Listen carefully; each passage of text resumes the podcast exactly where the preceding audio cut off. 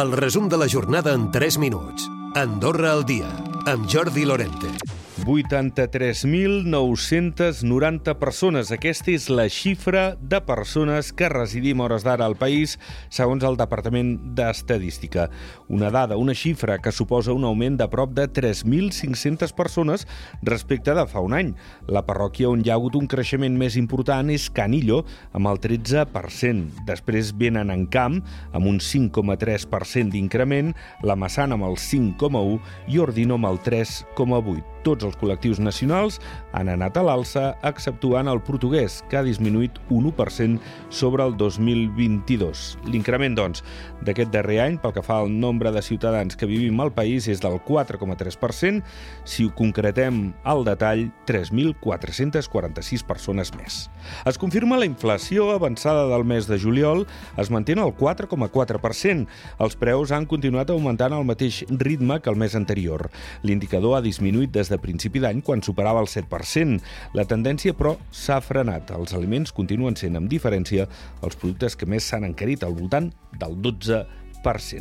I parlem de d'altres qüestions, tenen a veure amb la política, perquè el Partit Socialdemòcrata pregunta per escrit al govern sobre el número d'estudiants universitaris del sistema Andorra que van a Espanya i França. La presidenta del grup, Susana Vela, demana el nombre exacte d'alumnes a universitats andorranes, espanyoles i franceses des del 2019, així com dels graduats en ensenyament superior. També vol saber quins mecanismes es posen a disposició dels alumnes perquè decideixin on on estudiar i quin seguiment es fa des de l'executiu.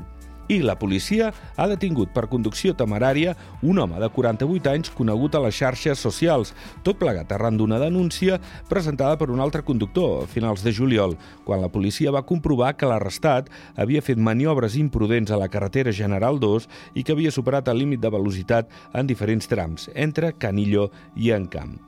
I aquest mes està sent molt positiu per a les gasolineres amb l'augment de la facturació tot plegat gràcies a la recuperació del diferencial de preus, sobretot en França.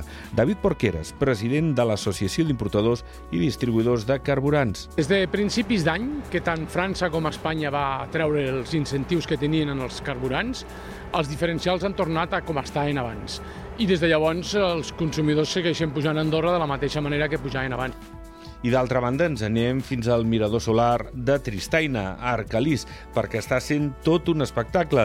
De fet, hi ha unes 45.000 persones i han fet cap, i moltes, de veritat que flipen. Bé, perfecte, pots mirar avall bé, bé, bé. Molt xulo. Una passada, una passada, és impressionant. Es veu, es veu tot. Hemos ido con el telehuevo, con el suelo de cristal, que daba un poco de yuyu mirar para abajo. Pero bueno, yo porque tengo vértigo. Pero la verdad es que las vistas son espectaculares. I ha activat l'avís groc per una nova onada de calor, l'arribada d'una nova massa d'aire càlida farà que les temperatures s'enfilin al cap de setmana. Compte que el diumenge podem arribar a Andorra la Vella als 36 graus centígrads. Recupera el resum de la jornada cada dia a AndorraDifusió.d i a les plataformes de podcast.